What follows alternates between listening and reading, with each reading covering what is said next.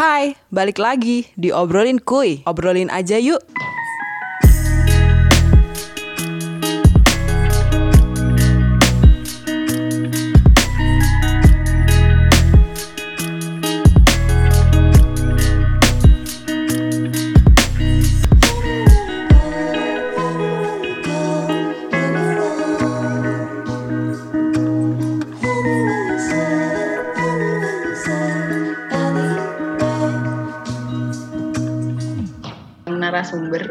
Pada pagi hari ini kita bakal ngundang narasumber. Ini teman aku SMA uh, sebenarnya udah lama sih kita mau kita tektokan gitu ya udah mau bikin konten segala macam cuman waktunya belum dapat dan akhirnya hari ini kita punya waktu untuk sekedar sharing gitu. Topik kita hari ini lumayan berat sih teman-teman gitu yaitu dengan judul borderline personality disorder atau BPD. Kalau di Google nih aku searching artinya adalah gangguan kepribadian atau gangguan mental serius yang mempengaruhi perasaan dan cara berpikir penderitanya. Kondisi ini ditandai dengan suasana hati dan citra diri yang senantiasa berubah-ubah dan sulit untuk dikontrol, serta pelaku yang impulsif. Nah, itu masih secara general teman-teman. Nanti akan diperjelas oleh narasumber keren kita hari ini gitu uh, namanya Dina teman-teman. Jadi tadi aku udah sebutin di, di, di awal apa yang namanya borderline personality disorder. Tapi aku browsing dari internet gitu belum secara gamblangnya seperti apa gitu. Mungkin kamu bisa jelasin dulu apa sih gitu borderline susah kan namanya guys personality disorder. Itu apa sih gitu kalau setahu aku aku pun belum googling yang sejauh gimana gimana ya tentang borderline personality disorder aku tapi udah populer dengan istilah borderline personality disorder itu dari 2 sampai 3 tahun yang lalu. Tapi memang belum tahu detail borderline itu apa sih terus gejalanya tuh apa penyakit apa sih. Dulu tuh yang aku kenal adalah penyakit bipolar okay. dan emang agak gambling ya antara bipolar sama borderline karena ternyata uh, gejalanya tuh mirip-mirip gitu. Ini adalah satu perbedaan yang mungkin bisa buat edukasi. Kalau ini fiksi, maksudnya karena aku udah konfirmasi ke psikolog sama psikiaterku juga. Jadi kalau borderline itu dia um, mood swing sebenarnya. Mood swing tapi dia fluktuatifnya itu dalam berhari-hari berminggu-minggu misal uh, dia lagi ada dan kalau di bipolar itu ada namanya periode maniak sama periode apa gitu aku nggak tahu namanya. Nah dalam periode maniak ini si bipolar ini itu moodnya sangat bagus sampai dia tuh bisa belanja berjuta-juta selama berhari-hari, bisa nggak tidur, bisa pergi ke party selama berhari-hari kayak gitu. Tapi nanti setelah itu ada akan ada periode low-nya. Nah oh, periode low-nya itu nanti dia bisa di, di kamar terus terus apa namanya nggak keluar apa ya nggak makan nggak minum nggak mau ketemu orang gitu. Itu kan dalam jangka waktu yang berbulan bu nggak berbulan-bulan berminggu-minggu gitu kan berhari-hari berminggu-minggu. Itu kalau bipolar. Tapi kalau borderline itu dia perubahannya terjadi dalam waktu yang drastis. Cuma sehari atau bahkan satu jam. Misal kayak tiba-tiba uh, sekarang aku ngerasa kayak oke okay, I'm doing fine gitu. Terus tiba-tiba kayak udah ah aku nggak mau ngapa-ngapain tutup pintu udah nggak keluar seharian. Terus nanti tahu-tahu keluar-keluar tuh udah aku nggak apa-apa kok aku udah sehat kayak gini gini aku pengen belanja belanja belanja belanja kayak gitu. Itu perbedaan utamanya bipolar sama borderline. Emang kan dua-duanya sama-sama tentang mood swing ya tapi kalau borderline itu mood swingnya lebih lebih dalam jangka waktu yang sedikit gitu lebih dalam jangka waktu yang relatif uh, pendek waktunya daripada bipolar gitu. Gitu deh. Terus apa lagi ya?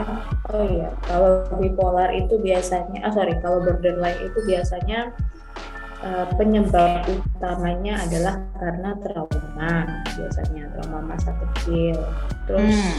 ada lagi ciri-ciri yang bisa di highlight dari borderline itu adalah kalau dia itu ini ini borderline itu kan sebenarnya perasaan seperti dia merasa kesepian kan okay. kesepian orang pada umumnya ngerasa kesepian tuh kan dia cari temen. Kan, aku pengen cari temen nih aku pengen cerita gitu. Tapi untuk pasien borderline enggak borderline itu cara dia untuk mencari mengisi kekosongannya adalah membeli sesuatu. Oke, membeli oke. barang. Hmm. membeli barang. Jadi setelah dia beli ini beli ini beli itu beli itu dia nggak pakai. Karena dia merasa misal kalau beli makanan kan karena dia nggak lapar. Oh, jadi makanannya uh-huh. nggak dimakan gitu. Jadi uh, menurut dia dengan gua beli ini uh, akan mengisi kekosongan gua nih. Tapi ternyata setelah dibeli sama aja rasanya. Kayak gitu. Hmm.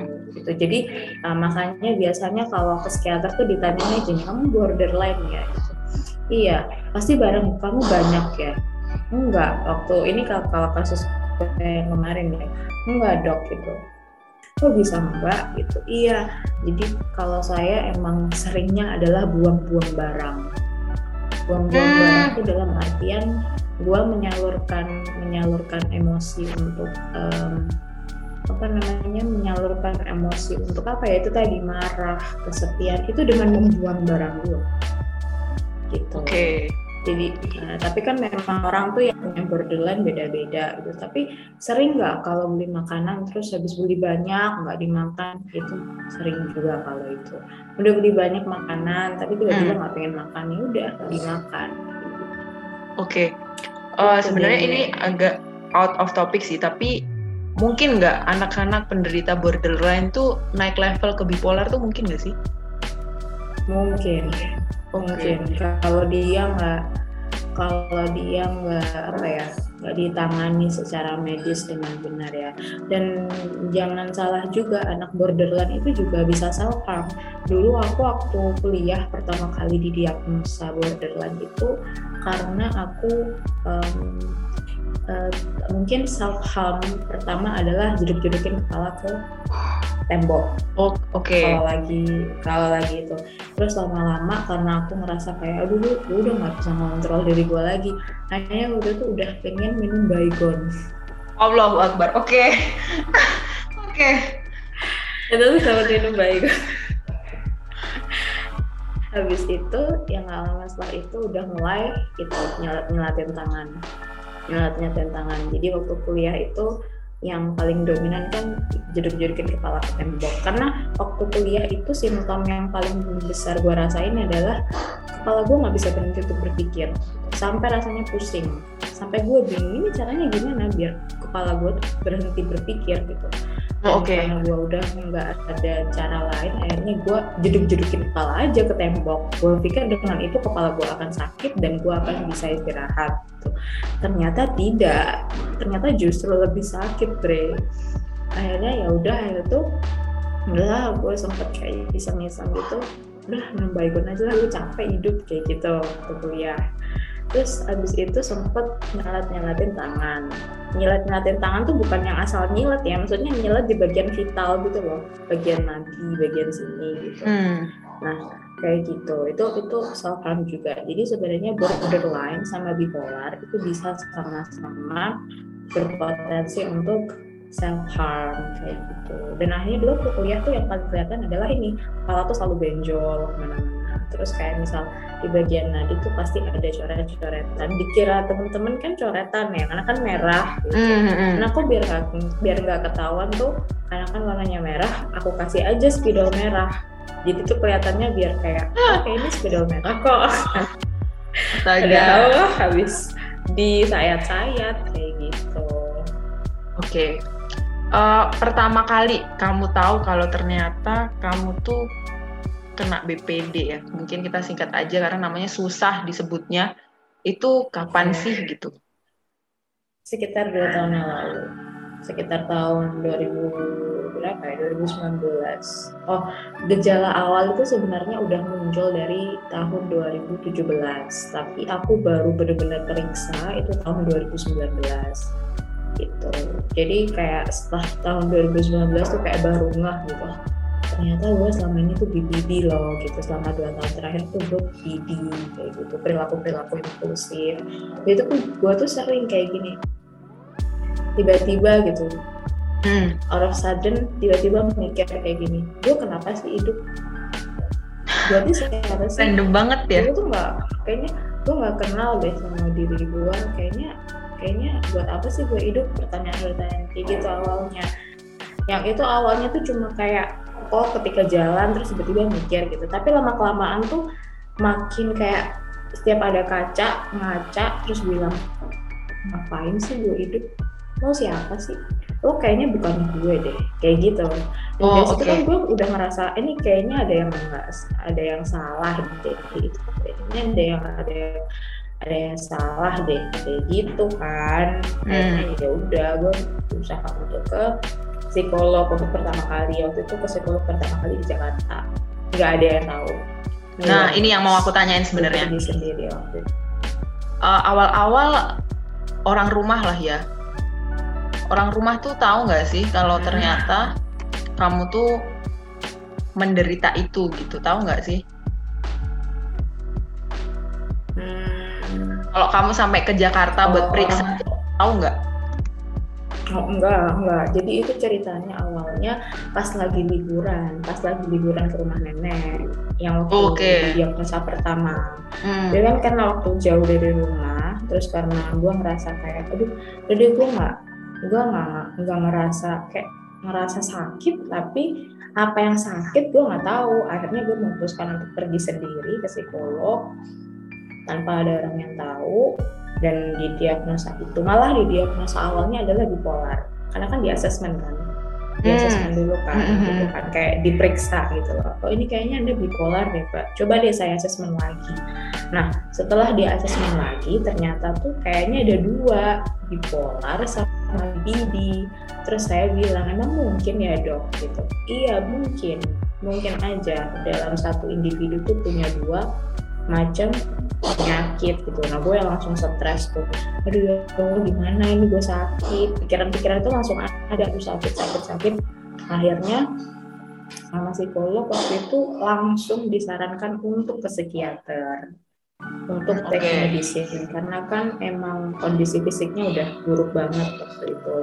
Terus hmm, ya udah tapi waktu itu nggak mau gue cuma bilang iya iya aja soal psikolog gue mau pertama karena budget ya sis gitu kan Hmm, Karena oke. psikiater tuh uangnya wow gitu Mm-mm. nah terus habis itu karena gue mikirnya kalau gue ke psikiater gue gila karena gue Oh, oke. medicine, Mm-mm.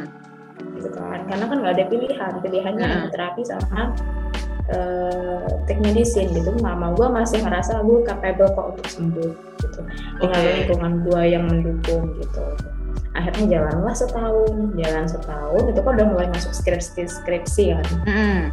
masuk skripsi udah kumat lagi kambuh-kambuh lagi tuh gejala-gejala yang ada udah kambuh lagi dan gue mikirnya oh nggak apa-apa ini cuma ke trigger gara-gara gue stres skripsi Skripsi.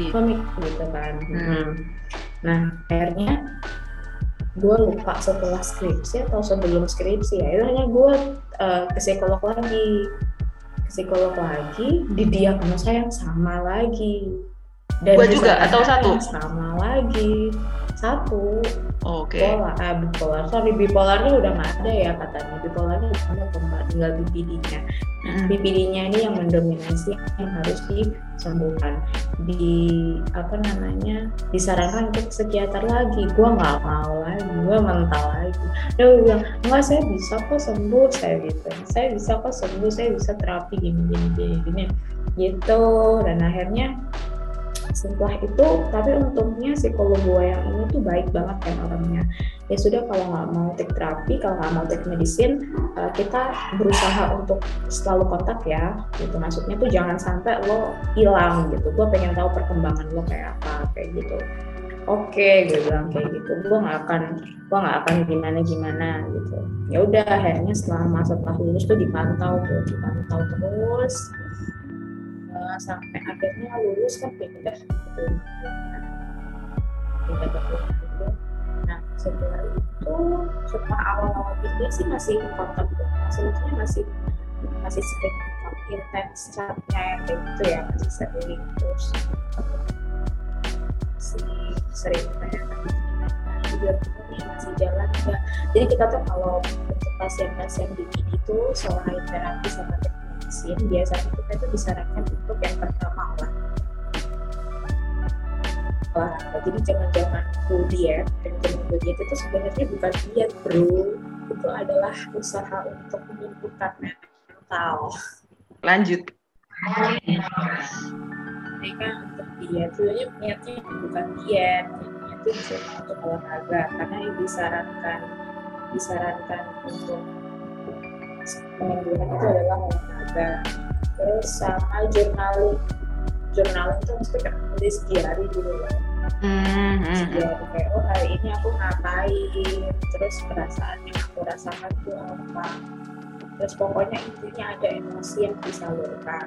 Intinya sebenarnya seperti itu tapi karena aku bandel dua hal itu tidak berjalan dengan konsisten dan akhirnya memaksaku untuk ketika kambuh itu harus kembali lagi ke psikolog Oke.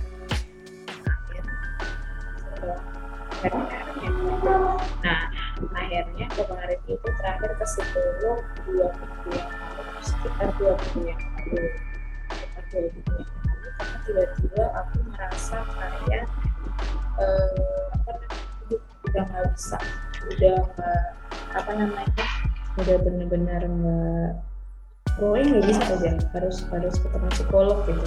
Nah kan itu hari weekend hari Hmm. weekend kan aku mikirnya jarang ada yang buka ya jarang ada yang buka gitu. Nah terus aku minta tolong sama temen psikolog tolong dong cariin info psikolog yang weekend weekend buka di mana ya gitu nah terus nggak ada tutup semua kalau mau ke Rizka itu katanya terus aku Hmm. mikir kalau lagi nanti banyak orang sakit aku kan mikirnya kayak gitu ya udah akhirnya aku nemu di depannya itu Kurnia yang kecil Oke. gambarnya itu yang sebelah sebelahnya mikir Mimi itu loh sebelahnya Hmm. Mimi sebelahnya plastik tekad situ Oh, tahu tahu tahu. Terus ya udah akhirnya ke sana. Terus di luar ekspektasi aku aku tuh tiga eh dua kali ke psikolog nggak pernah nangis. Yang kali ini nangis. Nangis sampai nangis sesenggukan ke psikolog. Padahal psikolog cowok loh. Yang dua sebelumnya kan psikolog cewek. Oke. gitu. Yang yang kali ini tuh psikolog cowok dan sesenggukan nangis gitu. Terus ditanyain perkembangan fisiknya udah gimana? Saya udah nggak tidur dok. Udah nggak tidur tujuh hari gitu. Sehari makan sehari makan cuma sekali kayak gitu. Minum air juga cuma secukupnya. Keluar kamar cuma ke kamar mandi kayak gitu. Gitu aku ngurung kamar di kamar ngurung diri di kamar kayak gitu ya sudah nah, kalau gitu coba ke psikiater ya mbak untuk sekarang saya tidak bisa bantu kalau kondisi fisiknya mbak Dina sedang seperti ini katanya kayak gitu terus Oke. ya udah ya udah akhirnya aku ke psikiater psikiater yang di eh, karena nunggu di iskaf lama akhirnya aku nunggu ke psikiater yang di kliniknya dokternya langsung ke dokter Predito Hmm. Di apotek Integra Farma yang sebelahnya SMP Al Azhar situ itu kan ada klinik. Nah aku ke situ. Nah Oke. aku ditemenin ibuku awalnya ditemenin ibu kan terus dengan harapan dengan harapan nih bisa masuk bareng nih gitu. Karena kan aku masih takut kan Hmm. takut kan untuk ngadepin. Aku nggak sebelumnya kan nggak pernah ke psikiater. Cuma kan ke psikolog iya ya kan aku nggak tahu psikiater tuh akan diapain nanti dikasih apa gitu. Ternyata nggak boleh suruh masuk sendiri. Karena udah besar mbaknya katanya gitu. Nggak perlu ditemenin gitu. Oke. ya udah. Ya udah akhirnya aku masuk sendiri. Dan dengan harapan aduh udah deh nggak boleh nangis nggak boleh nangis nggak boleh nangis. Ternyata nangis juga. Bre bre waktu di dalam. Padahal cuma sebentar.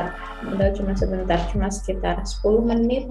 10 menit gitu. Cuma ditanya gejala apa? Gitu. Gejala tapi gejala yang nyangkut fisik ya gitu. Nah, Oke. sambil aku menjelaskan gejala di fisik, tapi beliaunya tuh juga udah namanya juga dokter ya, dokter psikiater gitu.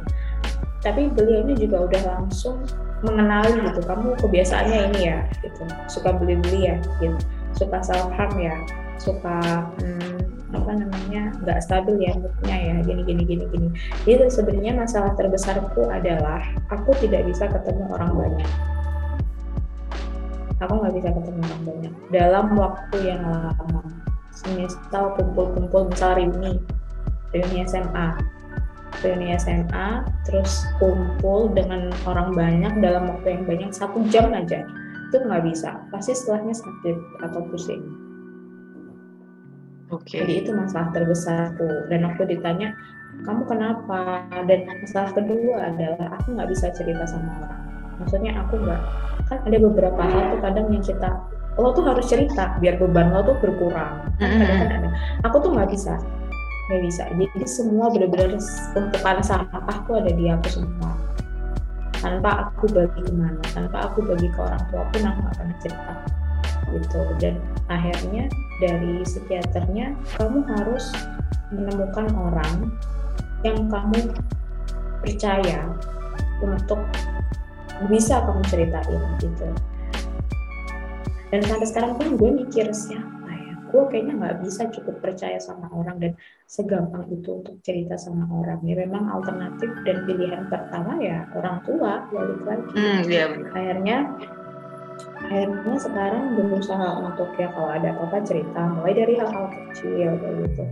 Well I'm still I'm still trying gitu. Untuk sekarang Hmm. sih masih mencoba tapi ya semoga ke depannya bisa konsisten kayak gitu.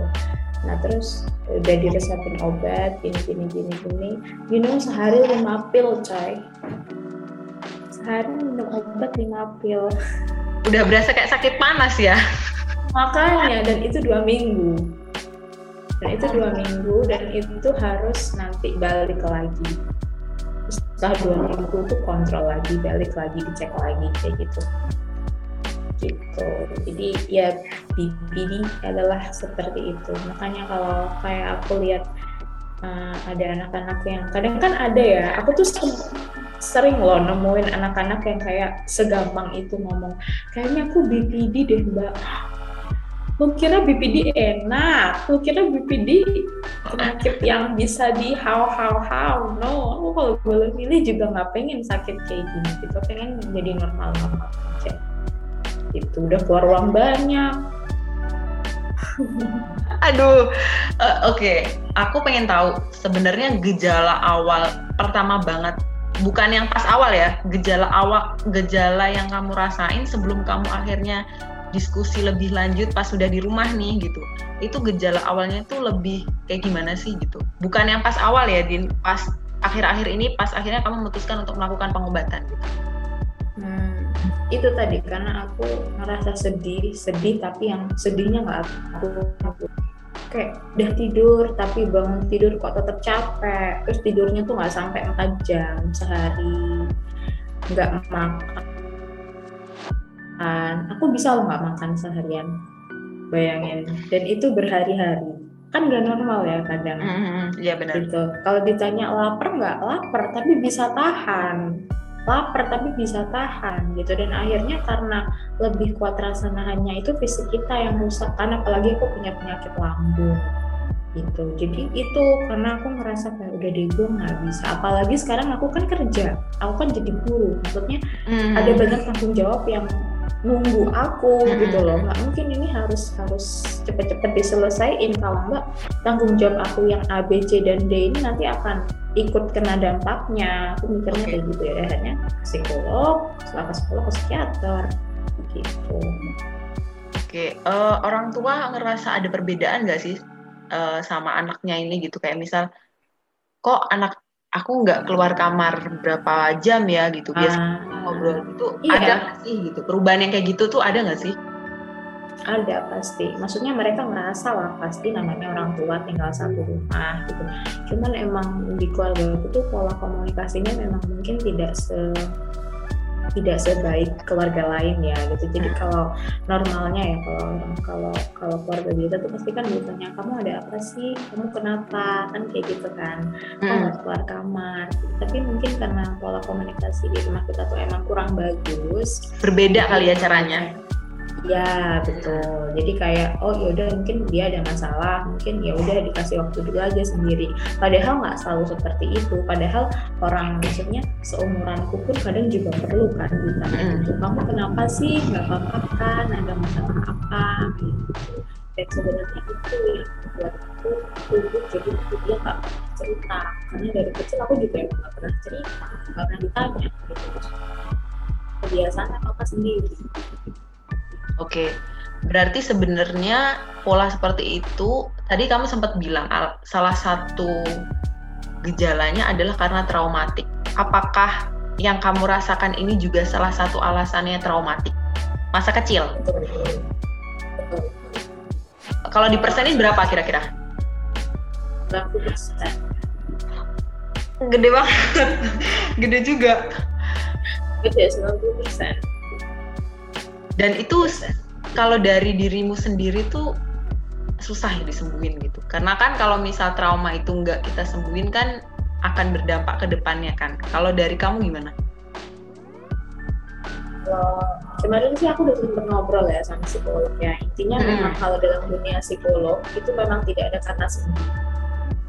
Kalau oh, di dunia psikolog itu memang tidak ada kata sembuh. Yang ada hanya kata meredam jadi tinggal gimana kita berusaha untuk istilahnya menekan posibilitas uh, trigger-trigger ini untuk nggak terjadi lagi. Gitu. Kalaupun nanti terjadi karena sudah ada terapi, sudah medicine, itu dampaknya juga tidak akan se tidak akan sebesar yang kalau kita belum terapi, yang kalau kita belum medicine kayak gitu. Semisal kalau aku sekarang mungkin trauma gitu karena kan aku baru beberapa kali take medicine mungkin kalau di trigger sama hal-hal yang bisa kepautin sama trauma pasti mikirnya kan kayak aku nanti pasti langsung yang perlawanannya tuh agresif gitu udah aku mau keluar kamar kayak gini gini kan kayak gitu kan. Karena kan memang masih awal perawatannya. Tapi mungkin beda lagi kalau nanti kita udah menjalankan perawatan yang intensif maksudnya udah terapi terus kita juga didukung sama keluarga, terus lingkungan juga yang suportif, terus juga tim medicine yang mau. Tim medicine itu ternyata helpful banget soalnya dia benar-benar uh, apa ya membantu saraf kita yang saraf kita kan udah rusak ya. Saraf berpikirnya kan udah rusak tapi tim hmm. medicine itu membantu kita untuk meluruskan saraf kita lagi. Jadi yang awalnya kalau aku sih selama empat hari ini minum obat uh, perubahannya menurut aku signifikan banget. Karena aku okay. udah mulai bisa fokus terus aku udah mulai waktu juga udah mulai stabil ya walaupun kadang masih tiba-tiba gini ya. Tapi itu masih kontrol gitu masih bisa dikontrol gitu. Mood yang kayak itu masih bisa dikontrol. Sebelumnya nggak bisa. Sebelumnya tuh kayak aduh aku males sih. Nggak dikerjain. Terus aduh aku pengen keluar. Keluar. Kayak gitu-gitu sampai setidak bisa dikontrol itu tapi karena sekarang udah pengobatan udah uh, take medicine jadi alhamdulillah itu ada manfaatnya udah membantu. Oke. Okay. selama kamu pengobatan kemarin ada nggak sih kayak kendala yang kamu alami? Baik itu dari diri kamu sendiri ataupun dari lingkungan sekitar gitu? Kalau ada apa sih? Kalau kalau kendala dari aku sendiri mungkin adaptasi sama obatnya ya karena obatnya kan itu tadi lima pil sehari mm -hmm. oke okay. itu menurut aku minum obat lima pil sehari adalah hal yang paling aku takutin dari dulu sejak aku ke psikolog pertama karena bayangan aku itu belum mungkin itu gila kayak gitu dan aku harus melawan stigma yang aku ciptakan sendiri gitu padahal sebenarnya mm. kan gak kayak gitu juga gitu jadi kayak ya udah obat itu lima lima lima pil sehari. Apa namanya kalau itu perubahan yang ada challenge-nya buat aku sih. Terus um, kalau dari aku sendiri challenge-nya adalah harus apa ya ada usaha. Ya udah ayo ya berubah. Ya udah hmm. ayo. Ya udah ayo. Ya udah ayo dihadapin gitu. Nggak bisa lari terus. Gitu. jalannya harus ke psikiater gak cuma ke psikolog doang. Oh, kalau kamu harus ke psikiater ya udah dihadapin terus kalau dari keluarga sih sebenarnya tahu ya. Tapi kan aku kan keluarga besar.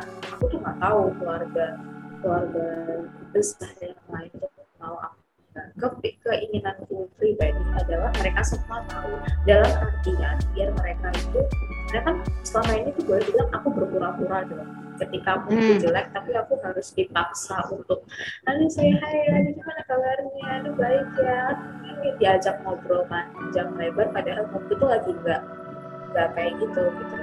Dan itu berjalan bertahun-tahun. Yang itu yang membuat mentalku jadi istilahnya udah drop makin drop makin drop lagi gitu. Dan aku pengen sebenarnya aku pengen mereka tahu ini loh this is the one that you face ini aku pribadi aku yang sedang kalian hadapi itu adalah pribadi yang sakit. Jadi dengan harapan mereka tahu mereka tahu lah apa yang harus mereka lakukan ketika Hmm. aku bukan diminta untuk dihormati sama sekali enggak. Ya cuman kan kadang kita jadi respect gitu. Oh ternyata ini sakit loh jadi jangan deket-deket dong sama kayak kalau orang misal sakit pilek gitu oh anak ini anakku sakit loh jangan deket-deket sama anak ini ya nanti ketularan kan kayak gitu kan Hmm. itu kan merupakan prevention kan usaha prevention usaha pencegahan. Itu pengennya sih pengennya sih semua tahu. Kemarin sih aku udah cerita sama anak aku di sekolah. Itu dengan harapan mereka akan mengerti. Aku bilangnya tuh gini saya ini sakit gitu jadi misal ada perilaku perilaku impulsif yang di luar kendali yang mungkin membuat beliau-beliau merasa kayak "Ini sih ini kok gini sih? Gitu dimengerti. Karena itu bukan perilaku yang bisa saya kontrol. Hmm, oke. itu itu itu di luar kontrol saya gitu. Karena memang saya sakit. Intinya aku pengen menyampaikan itu aja sih. Kalau bisa ke seluruh orang gitu. Karena aku udah bener-bener capek ya pura-pura kayak lagi nggak mau terus tiba-tiba diajak ngomong halo gimana kabarnya cerita dong gini gini gini aku pura lagi kayak gitu Oke.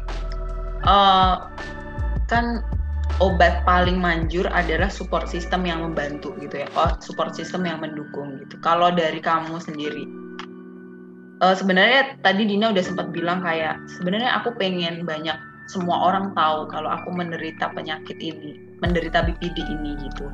Ada nggak sih kayak dari orang tua untuk nge-backup gitu kalau misal eh, ketemu orang terus ternyata saat itu kondisi kamu lagi kurang baik nih.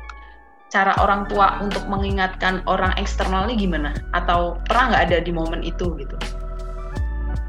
kalau yang di momen itu sih belum pernah secara secara real ya secara realnya sih belum pernah Mm-mm. cuman itu sempat beberapa ada tamu yang datang ke rumah. Kondisi aku masih pengobatan nih jadi aku masih ada medicine. Gitu jadi kan menurut aku masih di mood swing lah gitu.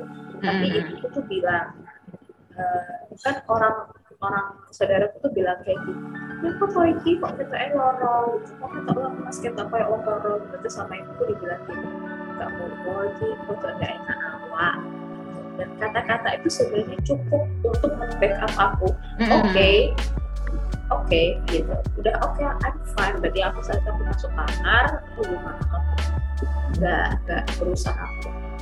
Terus saya cuma say hi gitu aja tapi nggak nggak apa ya yang nggak komunikasi nggak interaksi gitu loh. Oke. aja. Ya, harapanku ke depannya harapanku ke depannya memang ada ada peran orang tua yang seperti itu ketika nanti aku berhadapan dengan. Mm-mm. Karena ini lagi pandemi ya, jadi kayaknya nggak mungkin ketemu banyak orang dalam satu momen kan gitu. betul Oke. Terus kalau misal kan nanti kamu nikah tuh ya, terus ketemu banyak orang tuh. Udah ada gambaran belum sih? Ini pertanyaan bener-bener out of topic guys. Cuman eh, karena nikahnya masih ntar-ntar nih gitu. Paling nggak tuh ada bayangan. Kira-kira nih kalau kamu nikah di satu gedung besar, keluarga kamu datang semua, teman SMA, kuliah datang. Terus masa kamu mau lari dari pelaminan nggak mungkin kan guys? Nah apa yang back, backup apa yang akan kamu lakukan? Gitu. Kita nikahnya virtual. Berarti dalam waktu deket ya? Kan kita nggak tahu tuh, mungkin tahun depan udah nggak virtual. Enggak lah, maksudnya kalau nikah, kalau nikah ya nikah itu kan hal yang beda ya. Maksudnya nikah itu kan ya, ya mau nggak mau gitu loh. Mau nggak Hmm. mau, itu nggak ada pilihan lain. Memangnya harus ketemu orang. Niatnya kan undang orang untuk keselamatan, untuk memberi selamat, kan kayak gitu. Jadi ya mau nggak mau ya harus dihadapi. Bedanya adalah di pikiran gue adalah ketika oh kalau mungkin nikah, nanti gue udah ketemu seseorang yang istilahnya derita gue nih gak, gak gue tanggung sendiri. sendiri, gitu loh. Mm-mm. Nah, ada orang lain yang juga bisa ngerasain at least ada gue at least kalau gue ngerasa keberatan tuh there someone besides me yang selalu oke okay, kamu kok aku temenin ya kan kayak gitu it, it will be much easier gitu pasti akan lebih gampang dan kalau untuk masalah ketemu orang sih sebenarnya uh, ya itu masih masih masih masih proses pengobatan juga ya biar tak pusing. Nah itu gimana? Itu masih step medicine mungkin dua minggu lagi kontrol akan akan dievaluasi lagi. Kira-kira gimana biar caranya ketemu orang? Hmm. nggak pusing. Karena kan nggak make sense aja tiap ketemu orang pusing gitu. Sih tiba-tiba orang ini nanti mikir gue salah apa? Tuh orang ini pusing ketemu gue kan kayak gitu. Iya, oke bener sih. Eh, oke. Saat kamu didiagnosa BPD ini gitu ya, kan otomatis yang tahu only keluarga satu rumah, orang tua, adik-adik. Oh enggak? Oh, yang pertama yang mana nih di diagnosa yang mana dulu yang pertama yang kedua yang ketiga Eh, ini sebenarnya lebih pertanyaanku tuh lebih ke ini. Bagaimana cara kamu untuk menjelaskan ke orang selain orang rumah gitu kalau kamu bukan murid-murid kamu ya, maksudnya orang yang lebih dekat even kayak aku, teman teman kamu kuliah yang sampai sekarang dekat atau mungkin eh, someone else gitu ya gitu. Gimana cara kamu meyakinkan di- mereka nih eh, aku nih lagi sakit loh. Nanti kalau misal aku gimana gimana gitu, aku mohon pengertiannya ya gitu. Istilahnya kayak gitu. Gimana cara kamu menyampaikan ke mereka gitu? Aku cuma ngomong kayak kamu bilang terus nanti di belakang aku tambah selamatnya kalau kamu pengen tahu tentang BPD cari tahu sendiri deh. Aku karena aku udah terlalu capek untuk cerita gitu loh. Karena aku cerita kayak gue harus jelasin BPD lagi. Belum lagi orang nggak paham BPD itu apa. Bener. Ya udahlah biar mereka biar mereka googling sendiri lah senangkapnya mereka pokoknya. Intinya kan intinya adalah gue mau memberikan excuse kalau ada perilaku perilaku gue tolong dimaklumi karena emang gue sakit dan perilaku perilaku itu nggak bisa dikontrol gitu loh kalau lo pengen tahu gue tuh sakit apa ya just go search on googling or browsing any else kayak gitu Oke. Mm-mm. Eh, ini sebenarnya balik ke awal nih. Jadi tadi kan kamu sempat bilang gejala BPD itu masing-masing personal beda-beda ya. Tapi kalau boleh tahu kalau secara general banget gitu, sebenarnya gejalanya tuh kayak apa sih? Dari mungkin dibedakin ke dibedain dua kali ya dari segi psikisnya dan fisiknya tuh kayak apa sih gitu. kalau dari fisik itu Mm-mm. itu tergantung kepribadian jadi kayak nggak ada gitu loh kriteria fisiknya nggak ada jadi kan karena orang tuh punya penyakit fisiknya beda-beda Oke. jadi memang efek ke fisiknya beda-beda tapi kalau untuk psikisnya yang pertama itu self harm Hmm. self harm kalau dia udah kena self harm nah itu biasanya uh, psikologis akan lebih assess apakah dia ini uh, atau bipolar Polar, oke. Terus yang kedua adalah em, mood swingnya. Ini mood swingnya. Mood swingnya itu dia lebih dalam waktu yang dekat kayak yang udah aku jelasin tadi pertama. Kalau bipolar itu dia kan bisa berminggu-minggu. Mungkin Hmm. dia lagi periode maniak nih selama dua minggu dia bisa keluar ini belanja ini itu. Itu kan dalam waktu yang lama dan stabil Oke, benar. Ya. stabil Hmm. gitu. Nah tapi kalau uh, borderline enggak, kalau BP itu bisa misal ini sekarang jam berapa? Jam 12 let's say. Jam 12 gitu, aduh aku lagi pengen makan nih gitu. Terus tiba-tiba, ya aku pengen makan, aku pengen kuat, aku pengen beli ini beli itu. Udah, udah beli, habis itu udah moodnya jelek lagi. Jadi dalam waktu 3 jam moodnya bisa ganti tiga kali gitu. Jadi emang BPD itu lebih flu- apa ya kemarin tuh lebih fluktuatif dan lebih kuat karena dia dalam jangka waktu yang sangat pendek. Oke. Jadi kalau BPD itu kayak gitu. Dan kalau BPD itu yang secara garis besar yang aku baca adalah dia itu disebabkan oleh trauma masa kecil. Enggak trauma, bukan bukan masa kecil ya, trauma. Oke. Trauma Nah, aja. Trauma aja. Terus eh, terus ada juga eh, ada perasaan kayak ketakutan, kesepian.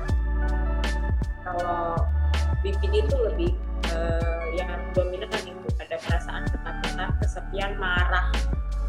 dia tidak bisa menyalurkan marahnya dia akhirnya tumbuhlah menjadi pribadi yang punya BPD ini dan perasaan marah itu sudah dia pendam bertahun-tahun dan dia Hmm. tidak tahu cara menyalurkan emosi marah ini seperti apa jadi kadang tiba-tiba marah kadang tiba-tiba diem kadang tiba-tiba nggak stabil kayak Oke. gitunya kayak gitu sih kalau BPD Eh, sebenarnya kalau sejauh dari yang aku tahu ya mungkin akan Hmm. lebih banyak sih Oke, kalau dari sisi gejala seperti itu ya.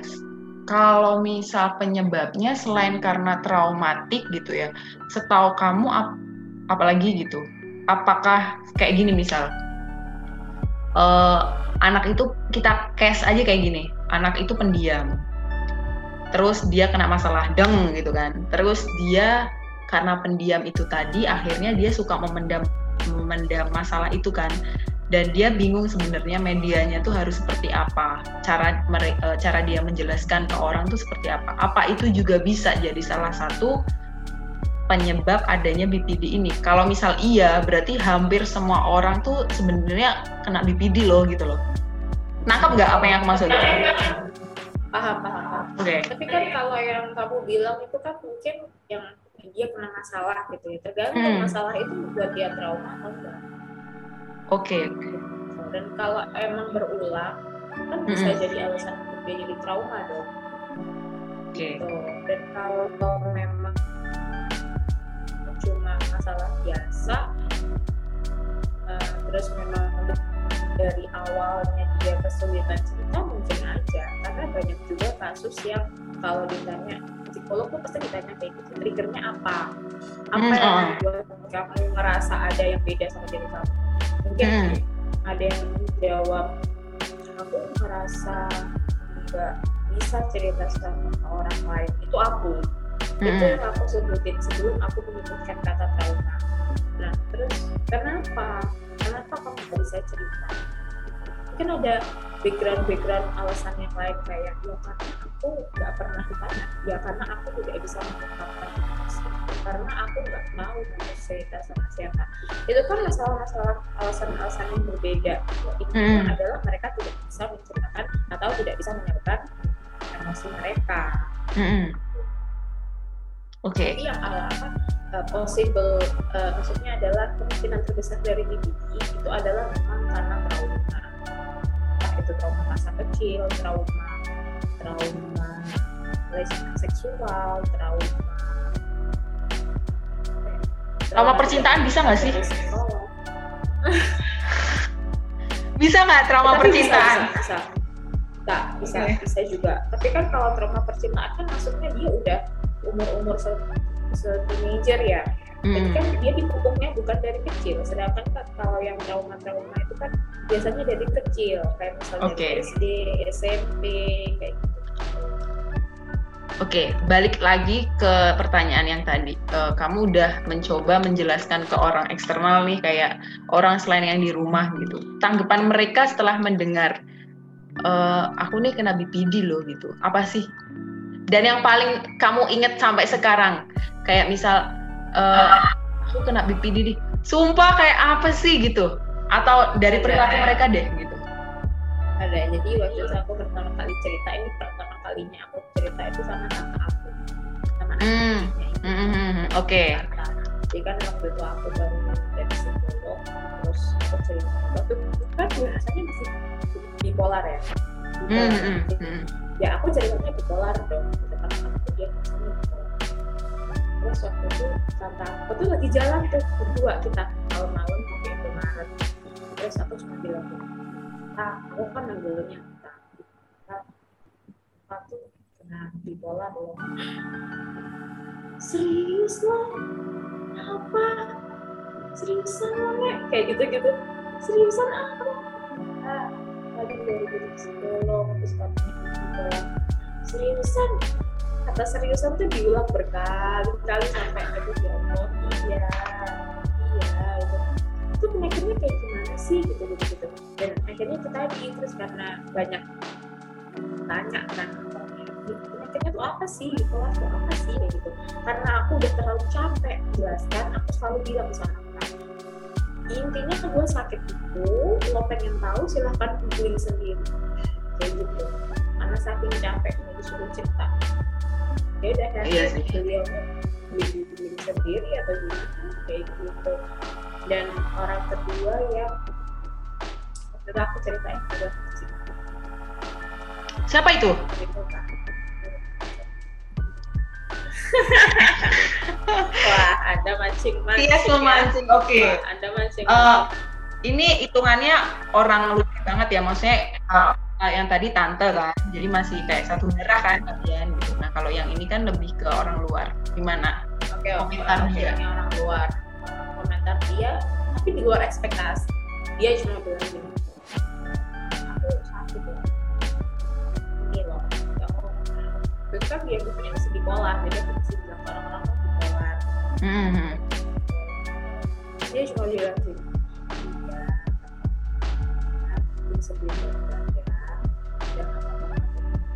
Itu bener-bener ekspektasi apa sih jawabannya di luar ekspektasi. Kayak gila nih orang. Bilang gue gue sakit mental masih bisa ngomong santai. Kayak iya. Dan to be very honest it's calming itu menenangkan banget. Maksudnya Hmm, Oke. gila ya orang. Gitu. Udah udah tahu gue ini juga itu bukan hal it's not small deal gitu itu hal gede gitu loh dan tapi kayak kan ya, gue jadi ikutan tengah gitu Hmm.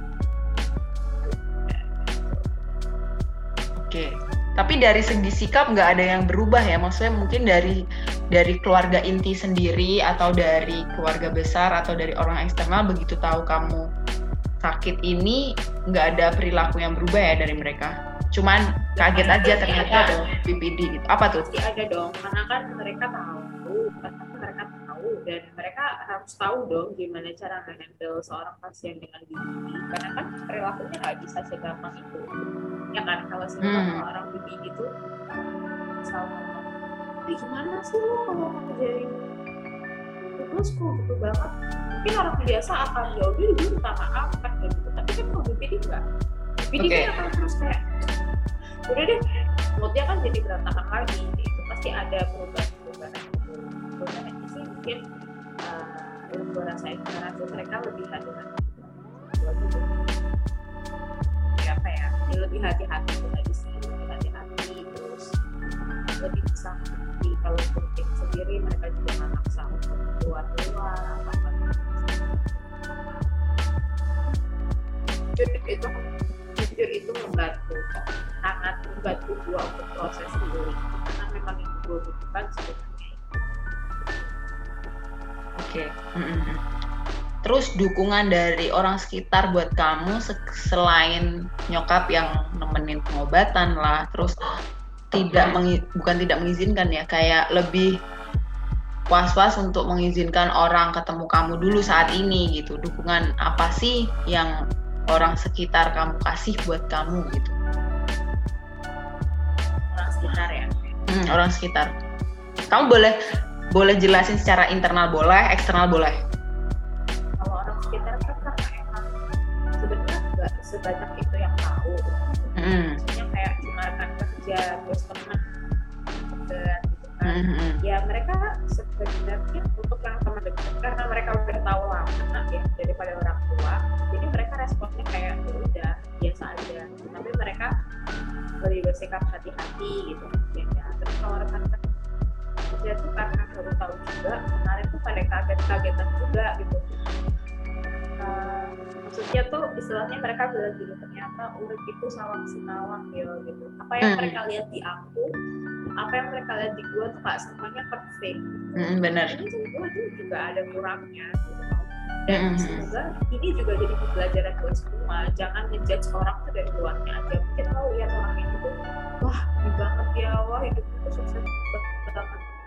Tapi lo nggak tahu apa yang ada di belakangnya apa yang ada di dalamnya lo nggak tahu seberapa besar bebannya lo nggak ada. yang tahu dan belum tentu juga orang yang kelihatannya biasa-biasa aja mereka nggak punya apa-apa. Justru bahkan mereka nggak punya beban hidup yang besar. Mereka menjalani hidup juga dengan yang ya udah lebih enjoy aja lebih santai aja gitu. jadi kemarin aku cerita dengan rekan-rekan kerja tuh kayak yang karena gue yang paling muda kan.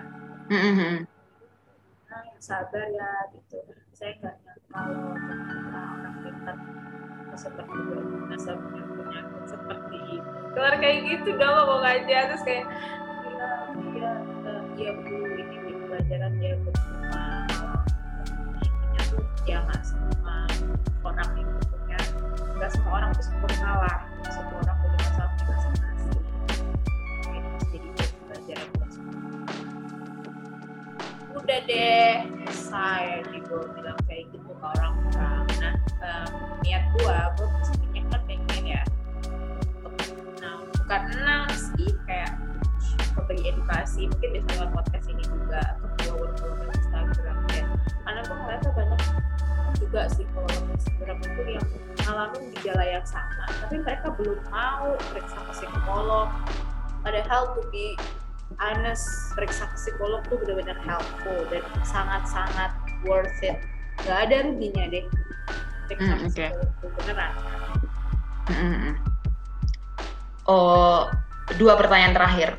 Rit, setelah kamu melakukan pengobatan ini, oh, apa sih dampak terbesar yang kamu rasakan selain helpful helpful itu tadi gitu? Mungkin dari sisi fisik kamu jadi senang lebih senang makan, terus lebih senang keluar kamar lah atau ngobrol sama orang-orang di sekitar kamu gitu. Apa sih gitu yang kamu rasain?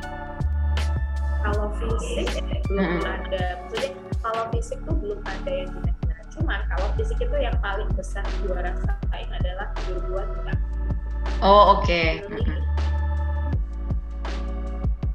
after seven years gue ngerasa tidur gue enak tidak gue cukup terus kegiatan gue sehari-hari juga teratur Mm-mm. walaupun handle one by one masih bisa mengorganize kayak gitu sih kalau fisik terus Oke. kalau yang psikis gue ngerasa even tuh gue berantakan gue bisa kontrol nggak tahu efek obat atau karena apa walaupun gue berantakan tapi gue masih bisa kontrol dan gue masih bisa untuk yang gue rasain ya sholat Mm-mm. sholat pakai khusyuk Masya Allah. karena ya beneran itu karena apa ya karena kan perasaan cemasnya hilang tuh masuk Bener, bener, bener. jadi kayak sholat tuh ya enak aja gitu. sholat enak aja pikir enak aja dan be- beban pikiran tuh enak gak bisa langsung lost gitu kan tapi pelan pelan tuh udah mulai kayak yang ya udah nanti gitu. kalau dulu kan gak bisa sebelum minum obat ada sekarang kan setelah minum obat udah ya udah dipikir pelan pelan aja intinya banyak manfaatnya untuk minum obat eh, enggak untuk ke psikiater untuk yang membutuhkan ya kalau dia Mm-mm. sudah membutuhkan ya pergi ke Oke, wow ternyata lumayan banyak ya dampaknya. Syukurlah jadi kayak kegiatan kita selama sehari-hari itu udah bisa kita organize seperti apa yang Dina bilang tadi. Pertanyaan terakhir di podcast kita episode kali ini adalah yang paling penting sebenarnya karena aku juga butuh biar gimana caranya hidup kita tuh bisa let it flow aja gitu tapi gak meninggalkan garis dasar kehidupan gitu. Tips dan triknya dari Dina nih buat uh, para pendengar obrolin kue yang merasa sebenarnya tuh dia menderita BPD, cuman dia tuh bingung speak up-nya harus seperti apa. Dari Dina sendiri selaku pelaku asik pelaku kayak kejahatan aja, uh, korban dari penyintas dong penyintas penyintas BPD itu apa sih? apa ya kalau dari dulu aku selalu menyarankan ya ini step pertama yang harus kalian lakukan kalau kalian merasa ada yang salah sama diri kalian. Tapi kalian nggak tahu nih salahnya di mana. Kalian nggak tahu kayak ngerasa sakit aja gitu tapi nggak tahu sakit di mana. Just go saying psychologist. Hmm, udah ketemu aja udah ketemu. Tapi lo ngerasa hidup lo tuh oh ternyata ini lo yang gue hadepin. Oh ternyata ini lo kuncinya kan Hmm. worth it gitu. Loh Iya, daripada benar. lo harus tidur berhari-hari kayak mikir "Kok kenapa sih kok begini? Kayak gitu. Just saying psychology terus yang kedua tidur maksudnya gue masih belajar juga itu ya kalau emang dia misalnya psikolognya lo punya penyakit mental ya di- diterima. Itu lo nggak bisa denial. Semakin lo denial that everything is going to be fine. Jadi semuanya itu berasal dari mindset lo. Kalau lo ngerasa gue sehat lo akan sehat. Tapi kalau lo ngerasa gue sakit lo akan sakit. Contohnya gue gue dulu mikir gue sakit. Se- apa padahal sekarang gue minum obat gue juga sehat-sehat aja. Gue habis sehat juga sehat-sehat aja gitu. Nah bahkan dampaknya juga lebih banyak gitu. Dampak positifnya juga lebih banyak kayak gitu.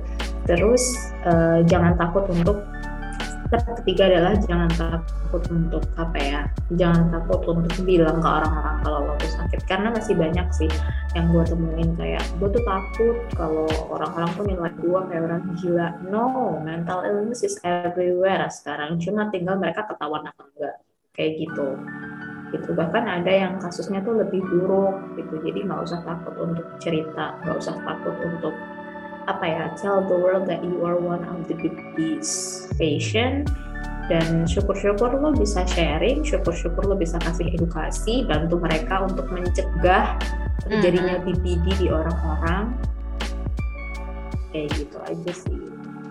Kalau tips dan triks dari gua dari penyintas BPD ya gitu terus uh, cari dukungan sebanyak mungkin. Cari dukungan tuh dengan cara lo sendiri-sendiri. Bisa lo dengan mengekspresikan diri lo sebanyak mungkin di sosmed.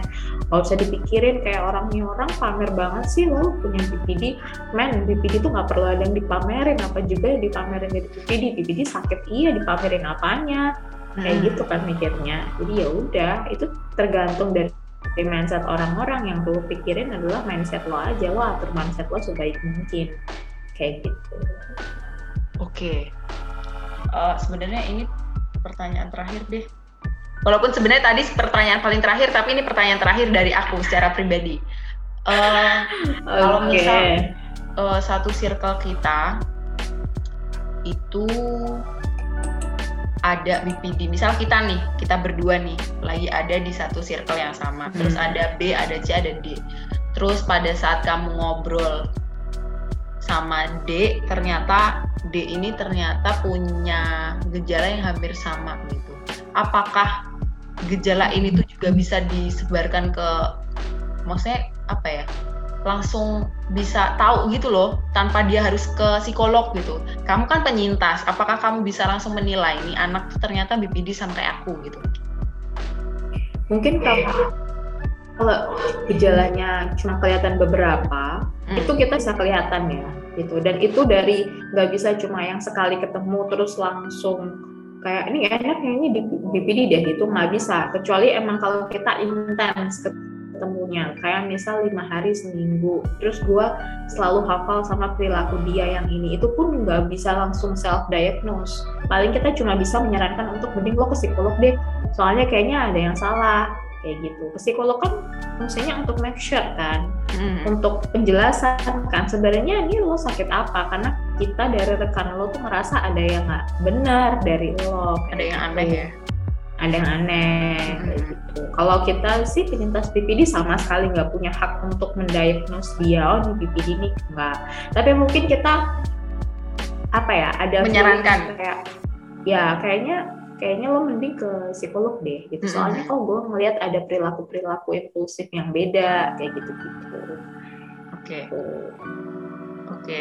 Ini benar-benar podcast yang sangat mengandung ilmu banget ya teman-teman. Karena kita jadi tahu sebenarnya kalau menurut pandangan aku ini kalau misal Mm-mm. ada pernyataan-pernyataan yang mungkin ya secara medis kurang benar tolong betul. dikoreksi karena memang aku ini kan hanya penyintas kadang Mm-mm. kadang ada yang kita nggak tahu mungkin di luar sana dari pihak psikolog atau yang memang sudah psikiater atau ahlinya itu memang ingin membenarkan boleh banget untuk dikoreksi gitu. Iya betul. Karena aku juga sepakat. jujur aku nggak nggak seahli itu dalam BPD aku cuma penyintas gitu jadi aku hanya belajar dari pengalaman pribadi aku aja mungkin dari orang-orang lain kasusnya beda-beda juga gitu. Mhm. Eh, jadi kayak sebenarnya beberapa orang tuh kena sebenarnya atau mereka punya eh, sesuatu mereka sadar gitu sebenarnya gejala BPD itu ada di dia tapi kadang tuh dia bingung speak up-nya harus seperti apa. Nah, hari ini kita hmm. udah share sama Dinas uh, masalah pengalamannya dia kayak apa, treatmentnya kayak apa, dia harus minum obat berapa pil kan kita jadi tahu dan Dina aja nggak takut gitu buat speak up dan uh, tadi kita juga sempat bahas dia udah sekarang udah bisa sholatnya tenang. Tidurnya udah nggak overthinking lagi walaupun berat badan udah nambah ibu. Belum? Atau masih sama? Berat badan belum nambah. Insya Allah sebentar lagi ya ibu ya. Oke. Okay, berat berat badan habis ini akan nambah sun tuh kayak manfaatnya banyak gitu loh kalau kita udah make share ke psikolog dan psikiater langkah apa sih yang harus kita ambil gitu.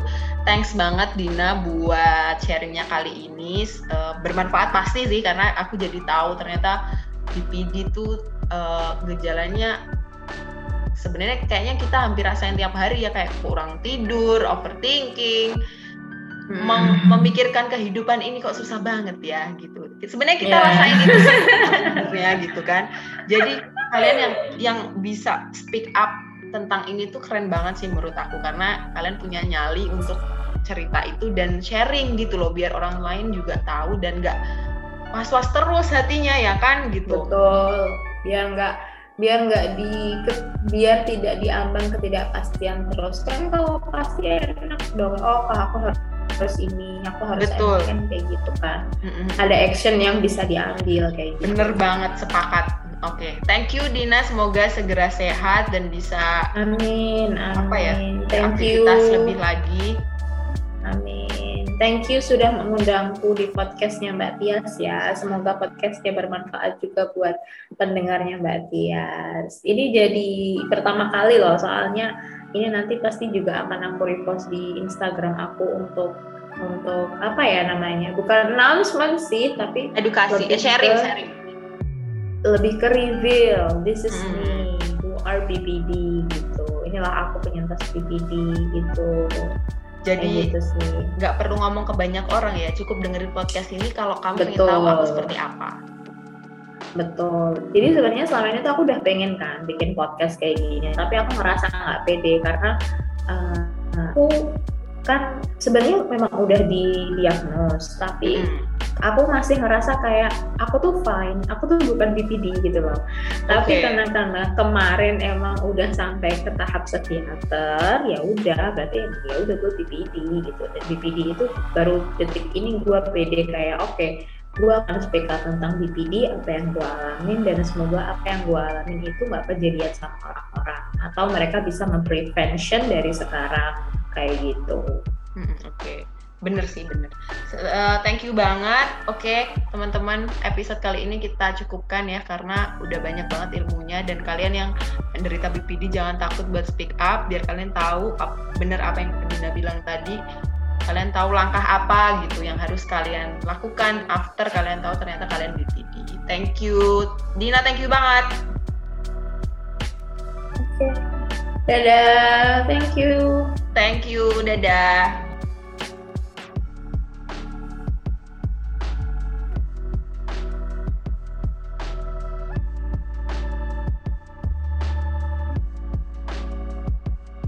Oke, kita akhiri episode kali ini. Jangan lupa untuk terus dengerin obrolin kuy. Obrolin aja yuk.